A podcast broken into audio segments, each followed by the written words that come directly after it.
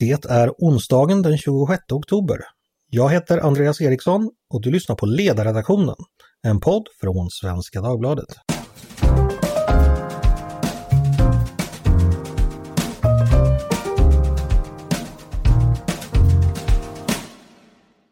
Varmt välkomna! Vi är ju som bekant på väg in i en avtalsrörelse. Det vill säga en period då en mängd kollektivavtal på den svenska arbetsmarknaden ska förhandlas fram och undertecknas. Resultatet av denna avtalsrörelse avgör lönerna för många svenskar och spelar också stor roll för den svenska ekonomin. Ungefär så långt sträcker sig mina kunskaper om avtalsrörelser. Ni som lyssnar kan säkert mycket mer, men jag tror att få kan allt. För vad är det egentligen som sker under en avtalsrörelse? Hur går det till rent praktiskt?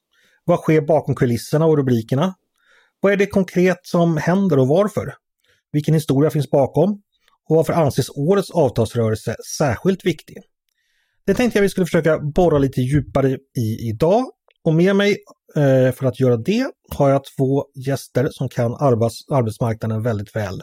Nämligen Nils Karlsson som är professor och grundare av forskningsinstitutet Ratio och German Bender som är utredningschef på Arena Idé och doktorand vid Handelshögskolan. Varmt välkomna båda två! Tack, tack. tack så mycket! Jag tänkte kanske första frågan där. Det här är ett område som inte de flesta kan på sina fem fingrar. Vad, vad tänker ni själva om det när ni själva berättar om det, det ni gör så att säga på ert jobb? Tycker ni att folk brukar ha god förståelse? Vad säger du Nils? Alltså jag har ju forskat om den här modellen i 15-20 år och skrivit ett antal böcker. Och, eh, problemet är väl lite grann att det är de som håller på med modellen själva som förstår hur den fungerar för att den är väldigt intrikat och eh, väldigt viktig för Sverige. Då. Och de här mm. parterna tar ett väldigt stort ansvar men det är, det är en komplex modell som inte är så lätt att förstå. Då. Så att, eh, det är jättekul att ni kör den här podden tycker jag. Ja, vi ska se hur långt vi hinner idag. German, vad säger du? Om du sitter på en middag och berättar att du ägnar dig åt arbetsmarknad och så, sådär. Eh, ser folk ut som frågetecken då eller brukar folk förstå? Uh, ja, de zonade ut ganska snart när jag började prata om vad jag forskar om. Tyvärr. Okay. Men, men å andra sidan så är det precis tvärtom när man pratar uh, med folk som är i den här lilla bubblan och uh, är intresserade av de här frågorna. Och, och så finns mm. det kanske ett mellanskikt av personer som, som har viss koll och som tror att de förstår mer än de gör och som kan bli väldigt intresserade när man börjar förklara, när man går in mer på ja, men mer detaljer och hur saker faktiskt går till i praktiken. Kanske det vi ska prata om idag. Ja men exakt, det är det jag tänkte vi ska göra. Eh, jag tänkte en utgångspunkt, det är ju då att eh, det här med att vi har eh, kollektivavtal. Jag tänker det är en vettig utgångspunkt. Eh, nio av tio av alla anställda i Sverige eh, har kollektivavtal. Eller omfattas av kollektivavtal. Eh, Nils, om vi börjar där. Varför är kollektivavtal så, vad är kollektivavtal och varför är de så vanliga i Sverige? Om vi börjar där. Ja, Sverige har väl kanske högst täckningsgrad som du säger av kollektivavtal. De täcker 90 procent av de anställda på svensk arbetsmarknad. Och det här är en väldigt speciell typ av avtal. Det är ett avtal mellan en fackförening och en arbetsgivarorganisation. Eller en fackförening och en enskild arbetsgivare. Och tecknas ett sådant avtal då omfattas alla då företag som tillhör den här arbetsgivarorganisationen och alla de, de löntagare som, som tillhör fackföreningar helt enkelt av kollektivavtalet även om de själva inte varit med och ingått avtalet. Det är det som gör det kollektivt helt enkelt. Och i Sverige har vi haft det här som en väldigt viktig del i vår arbetsmarknadsmodell ja, sedan 1906 egentligen och framåt så har det här Eh, varit viktigt. Och det här berömda Saltsjöbadsavtalet från 1938 när man fick lite ordning och reda då på svensk arbetsmarknad efter en stökig period. Eh, så att det här är ju då, ska jag säga, det sätt som inte, vi inte bara sätter löner utan det handlar väldigt mycket om försäkringar, pensioner, allmänna villkor, semestervillkor, allt möjligt sånt där som handlar om när man är anställd. Det här sköter vi i Sverige via kollektivavtal och inte lagstiftning som man gör i massa andra länder. Så det här är en väldigt fin sak i svensk tradition skulle jag vilja säga. Bara en fråga där. De här 10 procenten som inte har kollektivavtal, vilka är det och varför finns, varför finns det... Ja, jag förstår att täckningen är ovanligt hög, men varför är den inte fullständig? Så att säga? det är så här att i offentlig sektor så är alla arbetsgivare, de, de per definition tillhör en arbetsgivarorganisation. statliga arbetsgivarverket eller, eller Sveriges kommuner och landsting helt enkelt. Eh, på privat sida så, så, är det ju inte så, utan vissa väljer att inte gå med i en arbetsgivarorganisation eller att inte teckna ett så kallat hängavtal. Det är när en enskild arbetsgivare tecknar ett avtal med ett fack. Så att i privat sektor är det ungefär 15 procent av de anställda som inte tecknar kollektivavtal. Och det här är mycket mindre företag. Eh, det kan vara familjeföretag och sådana saker men det är också en del av de här nya ja, internetbolagen och sådana här bolag som känner att de, det är för stelt med de här regleringarna. Det, det är för knöligt och kanske för kostsamt tycker de med pensionslösningar och sånt där som finns i pensionsavtalen. Mm, okay. Förr eller senare brukar de komma med skulle jag vilja säga. Mm. Om vi då hoppar över till German. Eh, nu har ju Nils börjat prata om det men vi har ju någonting i Sverige som kallas då partsmodellen. Eh, kan du berätta lite mer? Vad är det? Varför har vi det och hur fungerar det? Eh, ja, det är kan man säga en del av det man lite slängigt brukar kalla den svenska modellen som, som är vidare än så. Men det är den svenska arbetsmarknadsmodellen som brukar kallas partsmodellen och den kallas partsmodellen för att man menar att eh, det Nils var inne på, att, att eh, de viktigaste förhållandena på arbetsmarknaden regleras här av arbetsmarknadens parter, det vill säga fackliga organisationer och arbetsgivarorganisationer. Och inte genom lagstiftning som i många andra länder. Däremot finns det eh, omfattande förstås regelverk och lagstiftning som på olika sätt reglerar saker på arbetsmarknaden eh, ändå.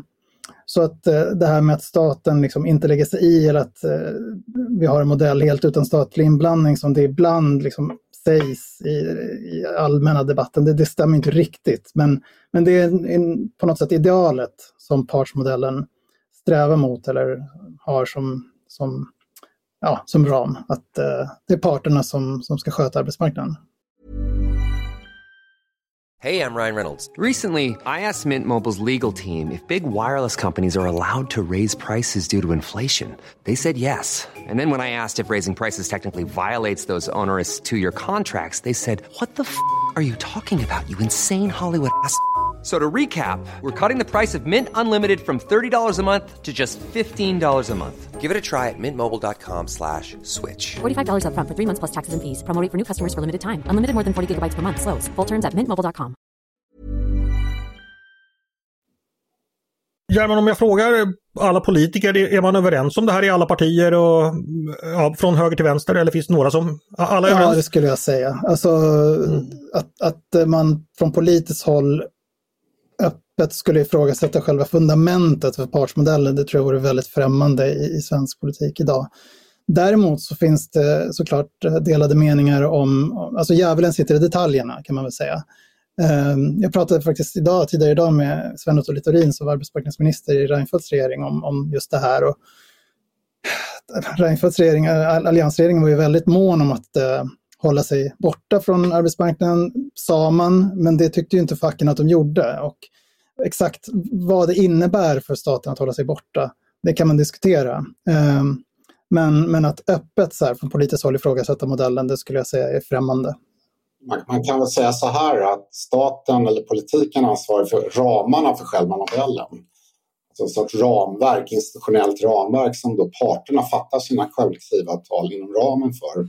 Det handlar om konfliktregler, det handlar om alla möjliga regler då, som, som politikerna, själva, själva kollektivavtalslagen, det är ju jättekonstigt det här med kollektivavtal egentligen. Men man har, man har funnit den här modellen i Sverige då som jag tror det finns ett väldigt brett stöd bakom faktiskt. Eh, ja, Nils, eh, du talar ju väl om den här modellen. Hur, inom akademin, eh, finns det konsensus kring att det här är bra för Sverige eller, finns det, eller vad, vad, vad tycker man där? Jag har ju som sagt ägnat rätt mycket tid åt den här modellen under åren och det forskas alldeles för lite om den, ska jag säga. Och en del av de som forskar runt modellen förstår den inte riktigt. Va? Utan det är ofta nationalekonomer som kommer in och ska titta på den här modellen och de förstår inte alls en process som vi kanske ska komma fram till, hur det går till när man kommer överens om ja, vilka löner som ska gälla och hur parterna tar ett väldigt stort samhällsansvar. Det förstår man inte riktigt. Och då brukar man komma med rätt naiva förslag till hur det här ska gå till istället, skulle jag vilja säga. Så jag önskar det skulle vara fler som forskar om det. Mm. Men jag tror att det finns ett stöd inom akademin för det, absolut. Ja. German, vad säger du? Vill du tillägga någonting där? Nej, jag håller med.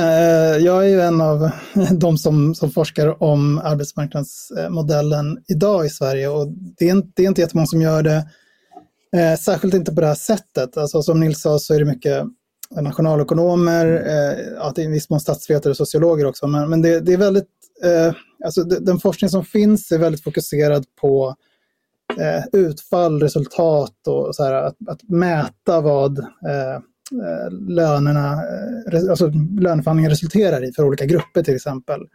Eh, så att själva lönebildningen som sådan betraktas rätt så mycket som en svart låda. Man bryr sig inte så mm. mycket om vad som händer i den eller hur det går till. Och ett, exempel på det skulle jag säga att man betraktar den svenska partsmodellen och särskilt lönebildningsdelen av den som någonting som har sett likadant ut sedan 97 då vi fick industriavtalet. Och det skulle jag säga inte stämmer. Det har skett ganska mycket sedan dess som på olika sätt har påverkat hur det här går till och hur olika parter förhåller sig till varandra. Men det, mm. det, vi, vi ska, vi ska återkomma till det. Ja. Ja, okay. eh, vi, nu ska vi ge oss in i den här svarta lådan. Vi ska återkomma till industriavtalet. Men, men en avtalsrörelse, det är ju någonting som då jag förstår pågår under ett antal månader låter det som, men det är en rörelse, liksom, det sker olika händelser. Nils, kan du ta oss lite igenom kronologiskt, vad är det som sker under en avtalsrörelse från det att den börjar till att man har ett avtal färdigt? Vad, eller vad brukar ske snarast? låt, låt mig börja med en. Ett kollektivavtal tecknas ju då, sen, sen gäller det tills det tar slut. Och när, när det tar slut, då, då gäller inte den så kallade fredsplikten längre på arbetsmarknaden. Då har parterna rätt att använda sig av konfliktvapnet, det vill säga strejker, lockouter, blockader och så vidare. Det har man inte när kollektivavtalet gäller. Och det här tror jag både arbetsgivare och, Eh, arbetstagare uppskattar väldigt mycket. Vi har inte så mycket konflikter på svensk arbetsmarknad för vi har den här fina fredsplikten. Men eh, nästa år, då, 31 mars, då börjar rätt många viktiga avtal gå ut. Och då har man redan under våren i år, eh, 22 då, börjat förbereda sig, titta på ekonomin, hur ser det ut i vår omvärld, hur ser det ut med inflation, hur ser det ut med konkurrenskraft? Ja, en mängd olika sådana här frågor. I vårt fall nu Ukraina-kriget och energipriser och den här inflationen som har dragit igång plötsligt efter alla dessa år. Eh, och så försöker man då på ömse sida då, alltså parterna eh, bland arbetsgivarna de funderar på liksom, vad, vad, kan vi klara av att betala här för att klara konkurrenskraften. Eh, men också kunna attrahera personal naturligtvis. Man förstår ju att man måste betala för att få kompetens. Och på motsvarande sätt då de olika fackföreningarna. Och då brukar det vara lite separat att LO då eh, ja, arbetarna som man säger då, de, de funderar på sitt håll och tjänstemännen då inom ja, Saco men också inom unionen, de funderar också liksom, vad är det för nivåer vi ska gå in i de här förhandlingarna. Och det är precis det här man håller på med just nu. Alltså LO var ju ute här i veckan och sa att nu ska vi, nu ska vi ha en samordning. Vi ska liksom få ihop vårt gäng på vår sida och försöka förhandla gemensamt. Eh, men ibland vill vissa då fack sticka iväg och köra eget så att säga. Så att det här får vi väl se. Då. Men man har inte börjat förhandla och prata och träffats än riktigt? Nej, det, det man sonderar väl lite och man, man snackar lite med varandra. Det är en fin modell på det här sättet att som jag sa, de är väldigt ansvarstagande. Så att, så att eh, de känner ju varandra, de vet att de kommer träffas imorgon också. Om två år, tre år, tio år. Va? Man försvinner ju inte. Utan det här är ju ett, ett spel som spelas liksom med det måste vara win-win. Bägge sidor måste vinna långsiktigt för att det här ska funka bra. Helt enkelt. Mm.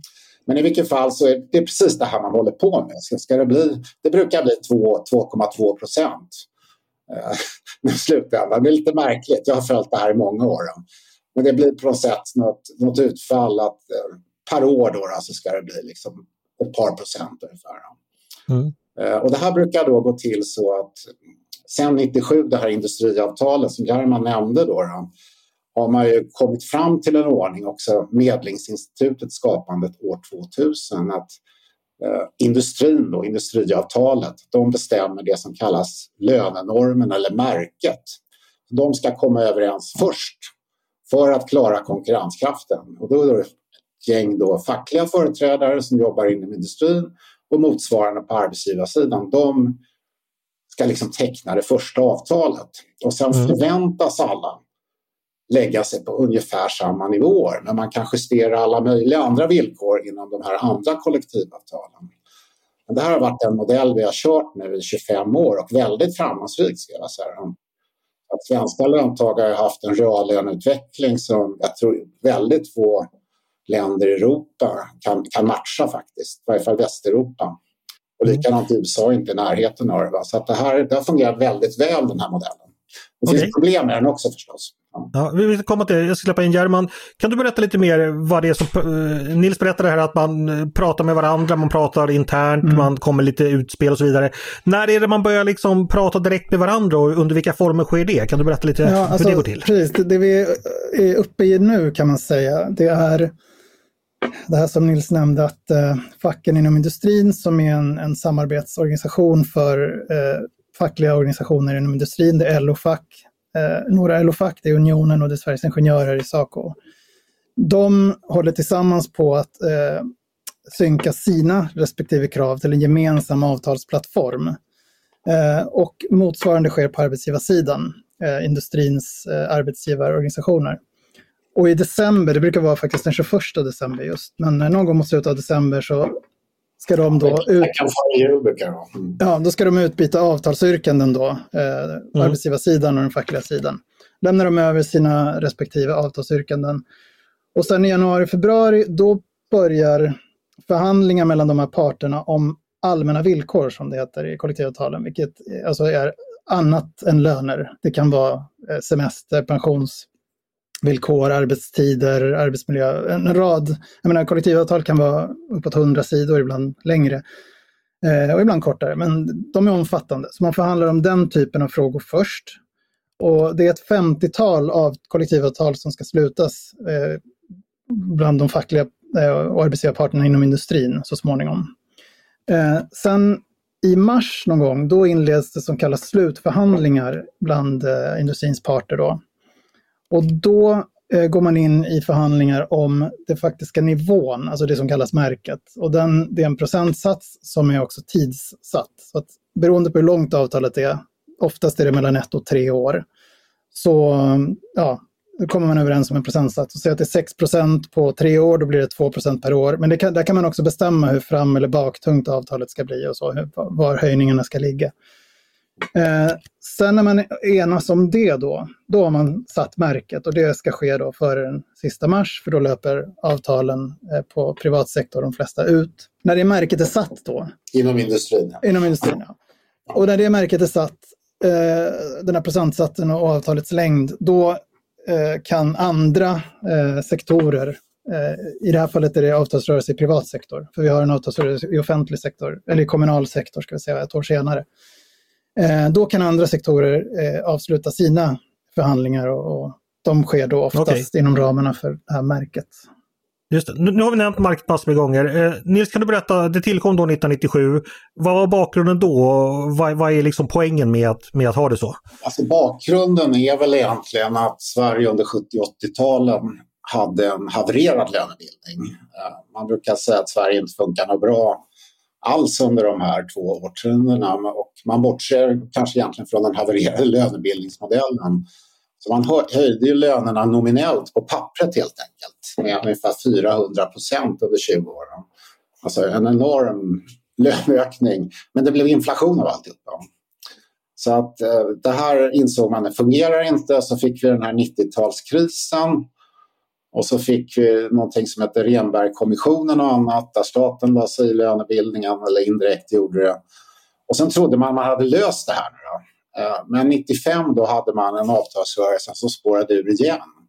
Då var det faktiskt så, det är intressant här, det var LO som tog initiativet till det här industriavtalet. Man insåg för att värna konkurrenskraften kan vi inte ha löneökningar på 10-15 procent per år som man hade då på 70-talet, och 80-talet. Utan vi, måste hålla i det här så vi klarar svensk tillväxt och produktivitet och konkurrenskraft.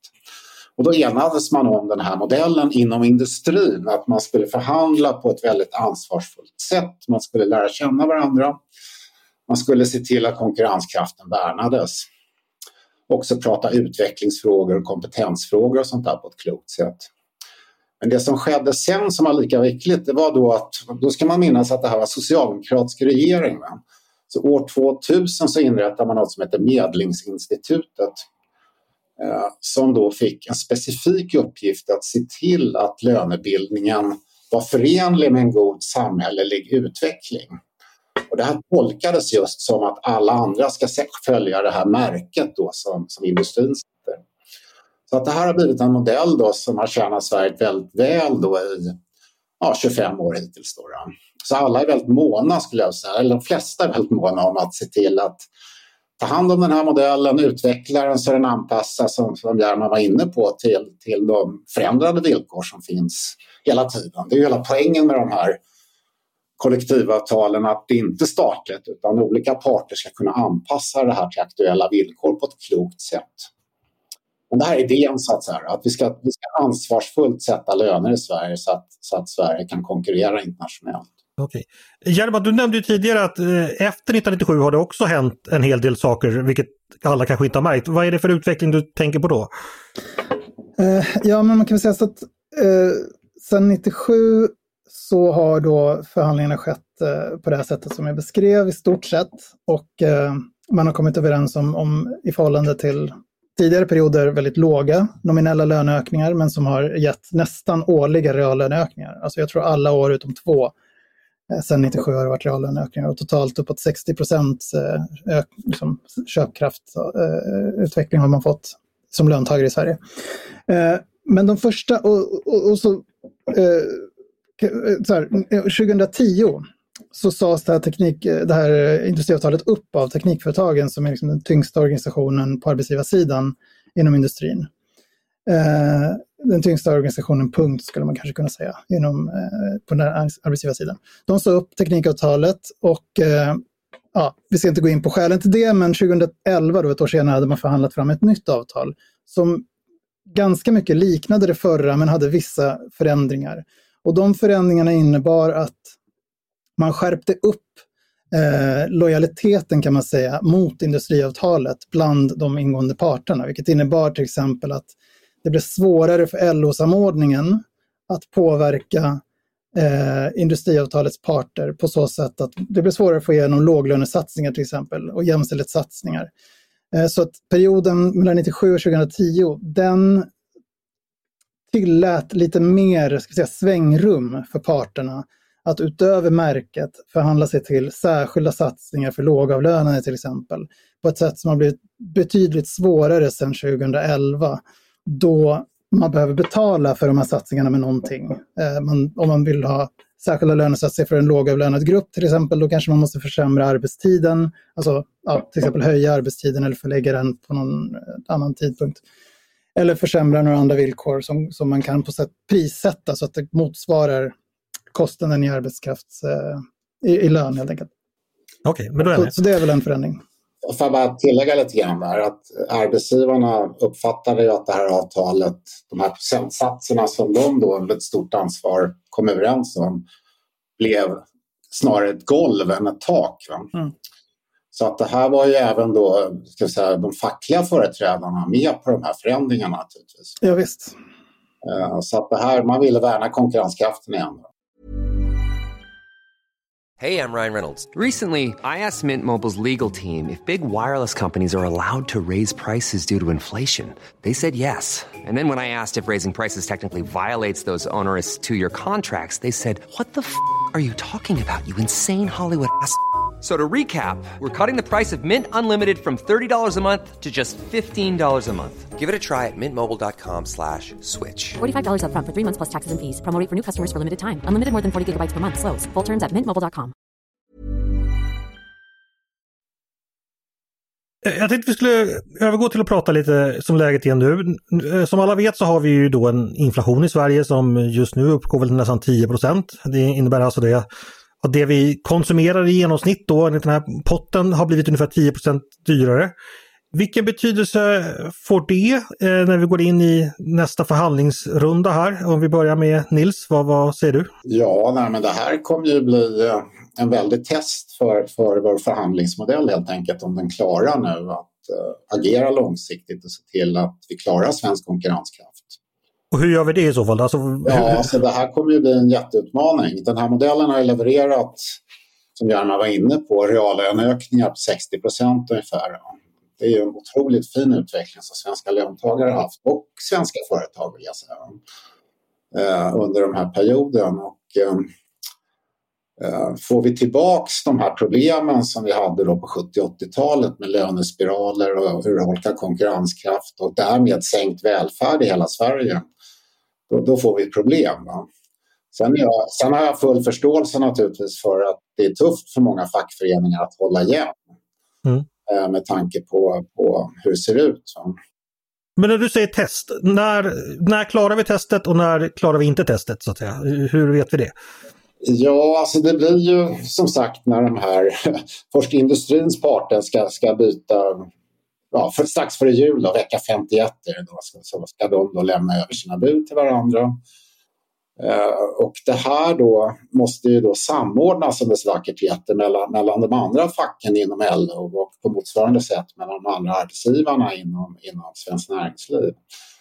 Så att var det här hamnar, va? Det, här, det här kommer bli, man, man kommer få räkna med reallönesänkningar, det är jag alldeles övertygad om. Det här är väldigt hög inflation.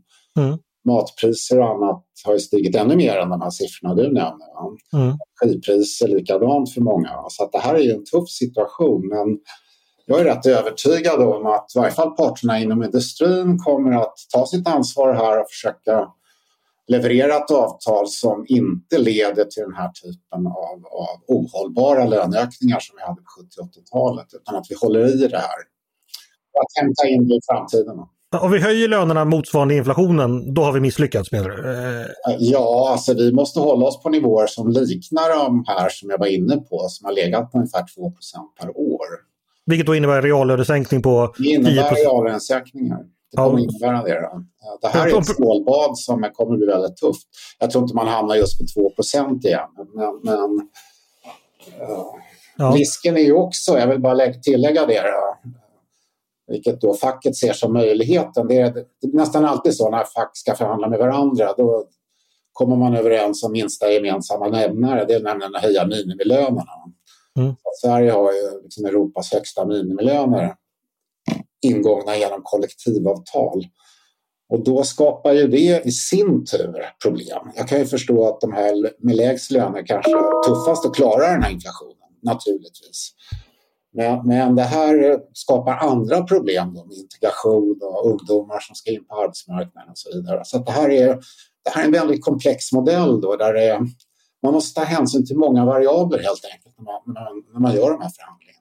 Okej, eh, German ett test för den svenska modellen och ett stålbad som väntar. Eh, hur ser din analys ut av, eh, just mot bakgrund av den höga inflationen? Nej, det kommer bli eh, svårt, milt sagt. Eh, kanske omöjligt att eh, få reallöneökningar i den här avtalsrörelsen. Ehm, eh, och det är alla medvetna om och jag skulle säga att eh, all, definitivt facken inom industrin, men också överlag fackföreningar i Sverige, vill bevara den här modellen, är medvetna om att det kräver liksom, eh, stort ansvarstagande nu och har, har redan sedan en tid tillbaks börjat liksom, eh, opinionsbilda och utbilda gentemot sina egna medlemmar för att förklara vad det här innebär. Det här var något som skedde faktiskt eh, när man började förbereda sig inför att teckna industriavtalet 97. Även då gjorde eh, särskilt facken inom industrin eh, omfattande utbildningssatsningar mot sina egna medlemmar för att förklara hur kommer nominella löneökningar som är betydligt lägre än de här jättehöga löneökningarna man hade på 80-90-talet att re resultera i reallöneökningar så småningom. Det var inte så lätt att få med sig medlemmarna på det.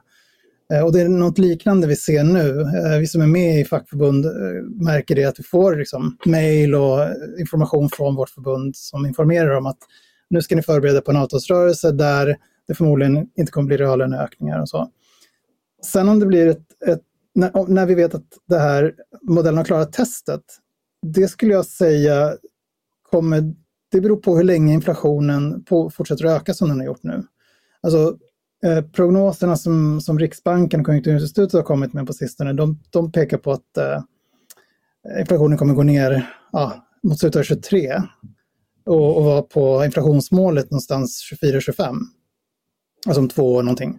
Händer det och avtalsrörelsen nu eh, liksom fungerar, ja då kanske man kan säga ungefär då att, att modellen har klarat testet. Men, men eh, skulle inflationen fortsätta öka eh, som den har gjort nu, eh, då blir det väldigt svårt. Alltså, och det beror också på hur lång avtalsperioden blir. Det är inte otänkbart att det blir en kort avtalsperiod, eh, ettårig. Eh, så att eh, man kan förhandla om, om beroende på vad förutsättningarna blir om ett år. Så ja, vi, vi är liksom inte över ån efter den här avtalsrörelsen skulle jag säga. Nej, men där vi pratar om att uteblivna reallöneökningar eh, verkar uteslutet. Vi pratar ju då snarast om betydande reallönesänkningar för att ju längre bort från tio, de här 10-procentiga eh, prisökningarna vi kommer, alltså ökar lönerna med 3 då är det ju en 7% reallönesänkning. Är man beredd tror du inom att acceptera något? Jag förstår att det är svårt för dig att säga, men det är väl någonstans där i trakterna man måste landa ifall modellen alltså, ska klara sig? Ja, det, det, det de fackliga parterna har sagt, eh, dels har de sagt det Nils antydde att, att man vill höja minimilönerna det, det tror jag man ska räkna ganska kallt med att det kommer att vara ett tydligt krav. Det, det, det är ingen hypotes utan det har de, även om kraven inte har lämnats ännu så har liksom både tjänstemannafack, ja, unionen och eh, LO-facken har sagt att de vill eh, satsa särskilt på lägstlönerna. Så det är en sak man kan räkna med. En annan sak är att eh, man har hört flera fackliga företrädare sagt att det är viktigt nu för att få gehör och, och liksom acceptans för en, en avtalsrörelse som leder till kraftiga reallönesänkningar, att även arbetsgivarna tar ansvar. Och då menar man till exempel att man inte ska dela ut vidlyftiga bonusar till ledningspersoner i företag och i organisation, eh, ja, i företag. Att man, eh, eh, om företagen gör väldigt stora vinster, ska vara beredd att se det som att eh, det finns ett större löneutrymme som kanske kan tillåta högre eh, avtalade löner än i tidigare avtalsrörelser, även om de inte är i närheten av inflationen. Eh, så att, ehm, ja, det krävs ett ansvar från båda parter så att säga. Och eh, mm. hur man tar det ansvaret, det kan man ju, ja, det beror väl på vilken sida man står på helt enkelt. Jag lägga till, alltså det är ju motsvarande problem på arbetsgivarsidan. Det är vissa branscher som kommer få det otroligt tufft. Då. Hotell och restaurang, handel och så vidare. Där företag i massor kommer gå under med de här höga räntorna framöver. Och bristande intäkter naturligtvis, folk har inte så mycket pengar att spendera heller. Så att det här är ju, eh, det kommer bli tufft liksom, både på arbetsgivarsidan och på facksidan här framöver att få ihop det här. Medan andra branscher kanske går lite bättre då. då. Eh, så att det, här blir ju, det här blir väldigt viktigt här och eh, viktigt att politikerna också då håller tungan rätt i mun så de inte stör den här processen. Mm. Eh, bara en fråga, eh, vi ska snart avrunda, men tänkte rent praktiskt när man sitter och förhandlar, hur går det till? Alltså är det så att man stänger in sig i ett rum och sitter där tills man är färdig eller träffas man i en serie möten under längre tid? Och vilka är det som är inblandade i själva förhandlingarna? Kan, ja, hur brukar det gå till helt enkelt? Nils, har du några kunskaper till detta? Jag har inga jätteinsikter exakt hur. Mm. Det här tror jag är rätt outforskat för de håller korten nära, nära kroppen de här parterna. Då. Men, men det är klart att det är, det är en lång serie möten som som, eh, du vet, det pågår informella möten redan nu naturligtvis. Man, man stämmer av, man försöker förankra och så vidare. Eh, och sen blir det ju sådana här slutmanglingar på slutet då när man, när man ska lösa ut de sista detaljerna och få till det här märket och de här sakerna. Och det här German pratar om, de här allmänna villkoren, de kan ju också justeras i slutändan för att få ihop saker och ting.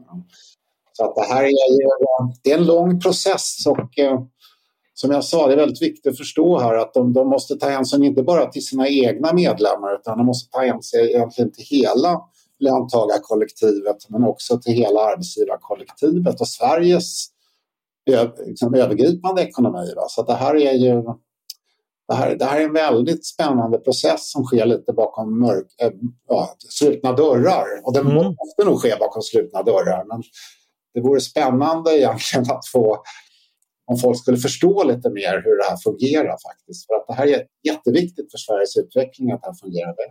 German, vad säger du? Vet vi någonting om hur själva förhandlingarna egentligen går till eller är de, är de bara för parterna så att säga? Eh, nej men vi vet en del. Eh, det, det, ser olika ut ska säga, på olika håll förstås. Jag menar, förhandlingarna i kommunsektorn till exempel är väldigt politiskt styrda och med enorma delegationer av olika politiker som sitter med. Och så här. Men Eh, men, men den här som vi pratar om nu, den privat, avtalsrörelsen i privat sektor. Eh, det, alltså, just industriavtalets parter, de, de påbörjar ju någon slags dans liksom, där de närmar sig varandra successivt. Och nu sker den här dansen mer, ganska mycket på varsitt håll. Eh, man eh, tar fram underlag, det är mycket ekonomiska analyser och eh, organisationer, alltså fackliga organisationer har egna möten med sina medlemmar, alltså där man i demokratiska processer får motioner om vad man ska driva i lönerörelsen, till exempel unionens krav att satsa på lägstalönerna, det kommer från deras egna medlemmar. De har liksom själva, unionens medlemmar, fack, ja, fackliga medlemmar, såna, som jag till exempel, har själva då föreslagit att vi vill satsa mer på lägstalönerna den här gången. Det kan, en annan avtalsrörelse skulle kunna vara pensioner eller semester eller vad det är. Så det sker någon typ av demokratisk process där. Också ekonomiska analyser där man försöker fastställa någon typ av löneutrymme som man ska hävda finns och så. Sen när man närmar sig liksom i tid de faktiska eh, avtalsyrkandena, då börjar de fackliga parterna tillsammans då slipa sina avtalsyrkanden så att de kan synka det de är mest överens om och ta fram den här gemensamma plattformen som de sen utbyter med arbetsgivarna. Eh, sen sker då de här eh, förhandlingarna om allmänna villkor och då sitter man mer i rum och, och förhandlar med varandra. Men, men det är liksom ja, det är under två månader så det är ganska sansat kan man säga. Sen när man går in i den här slutförhandlingen då blir det mer och mer intensivt och mot, helt mot slutet då övergår förhandlingarna i en grupp som är, jag tror det är fyra personer. Det är två, arbetsgivarperson, två arbetsgivarrepresentanter och två fackliga representanter som väljs ut att representera de här olika industriparterna.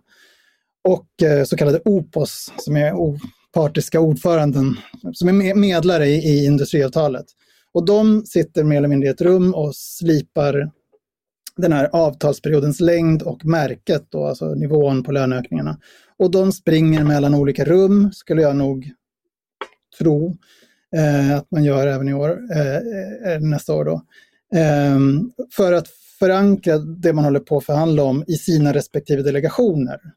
Eh, och så att eh, man måste förhålla sig inte bara till motparten utan väldigt mycket till sina egna eh, medlemmar då, och sina egna så att säga, förtroendevalda. Så man springer tillbaka till ett rum där de sitter och säger så här, nu har vi fått det här budet, vad tror ni om det här, är det okej okay, eller ska vi kräva något annat? Eh, så här. Så mot slutet, och då tror jag de sitter faktiskt i, eh, ja, i något, om det är Teknikföretagens hus på Östermalm eh, och eh, ja, hamrar ut de sista detaljerna helt enkelt. Mm. Och när de har gått i land med detta, då går de ut och dricker en välförtjänt öl hoppas jag.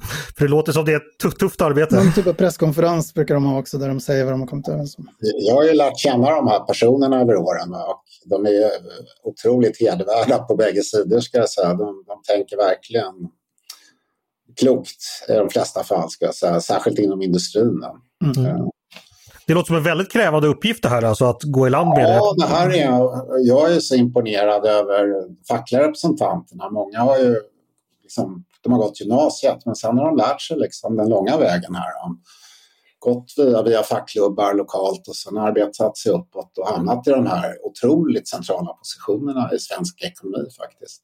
Lite doldisar skulle jag vilja säga delvis. Va? De, är, de är hjältar lite grann i den här sfären. Då, då men, de är kändisar i vår värld. Men ja, de är kändisar. Ja. men inte utåt riktigt. Men om jag skulle bjuda in dem till podden, skulle de komma och berätta då tror ni? Ja, det tror jag kanske. Kanske inte just nu då. Du får efter att det är klart. Liksom. Ja. Jag vill bara säga en sak som jag tyckte är intressant då med den här eh, låglönesatsningen. Jag kan förstå det. Fack brukar gilla det. Det är det fackliga löftet på något sätt. Sänk inga, sänk inga löner liksom. Utan, uh, men det, det skapar ju problem. Kommunalt till exempel, de gjorde ingen låglönesatsning förra gången här. Utan de ville ha lite högre löner åt de som ansträngde sig, var duktiga och hade utbildning och sådana här saker. De ville ha lite ökad lönespridning. De tyckte det var positivt. Nu kommer man då gå tillbaka och göra precis motsatsen igen med väldigt stor sannolikhet. Mm. Så att det finns alltid en baksida med de här kollektiva förhandlingarna. Ja, jag skulle väl säga, alltså, vi behöver inte ge oss in i en debatt här, men, men jag skulle nog ändå säga, och jag vet inte om du håller med om det Nils, att en låglönesatsning i den här avtalsrörelsen är lite av en annan karaktär än i de avtalsrörelser som har varit sedan industriavtalet. Just på grund av den väldigt hög inflation som, som drabbar låginkomsttagare på ett liksom, sätt som, som är ohållbart. Förklara att vi har inte varit så kritiska mot modellen. Men i princip innebär den här modellen att du sätter marknadsekonomin ur spel. Det här är ja. två, karteller, det här är två mm. karteller som förhandlar mot varandra och man kommer överens på central nivå om liksom en procentsats för löneökningarna i hela ekonomin. Det är, rätt, det är rätt märkligt egentligen, men det har funkat bra. Och det har levererat. Jag säger inte att det finns andra bättre modeller, men men det har en del konstigheter. Som, som... Märk, märkligt men det funkar, ska vi säga det som en sammanfattning på... Ja, så här långt i. Ja, vi ska, få ta, ska ta och runda av. Jag, jag känner i alla fall att jag har fått betydligt bättre uppfattning Alltså dels om hur det går till och, och dels om hur oerhört viktigt det här är för, för ekonomin ja, och för vårt, för vårt samhälle. Jag tittar, jag bara, en kort grej, jag kan bara slänga in, jag vet att du vill avsluta. Men, eh, i USA har, vi, har, har de inte den här modellen, inte i Storbritannien heller. Där ser man att eh, lönerna sticker iväg nu på ett sätt som de inte gör i Sverige. Eh, I Sverige har de inte gjort det dels för att vi har avtal som går ut 31 mars. Så fram till 31 mars spelar ingen roll hur inflationen blir. Löneavtalen gäller. Liksom. Och efter det så kommer det tecknas nya avtal som gäller över en tid. Medan i USA är det mycket starkare samband mellan inflation, efterfrågan och löneökningar på ett sätt som gör att de, mycket, de, de har större risk att hamna i den här löneinflationsspiralen än vad vi har i Sverige. Ja, då tipsar vi våra anglosaxiska vänner om att titta på oss. Eh, ja. Stort tack Nils Karlsson och German Bender för att ni ville komma och diskutera med mig idag. Tack själv, vad kul att vara med. Ha det gott! Och stort tack till er som har lyssnat också på Ledarredaktionen, en podd från Svenska Dagbladet. Ni är varmt välkomna att höra av er till oss på redaktionen med tankar och synpunkter på det vi precis har diskuterat eller om ni har idéer och förslag på vad vi ska ta upp i framtiden. Det är bara att mejla till ledarsidan snabel svd.se. Dagens producent, han heter Jesper Sandström. Jag heter Andreas Eriksson och jag hoppas att vi hörs snart igen.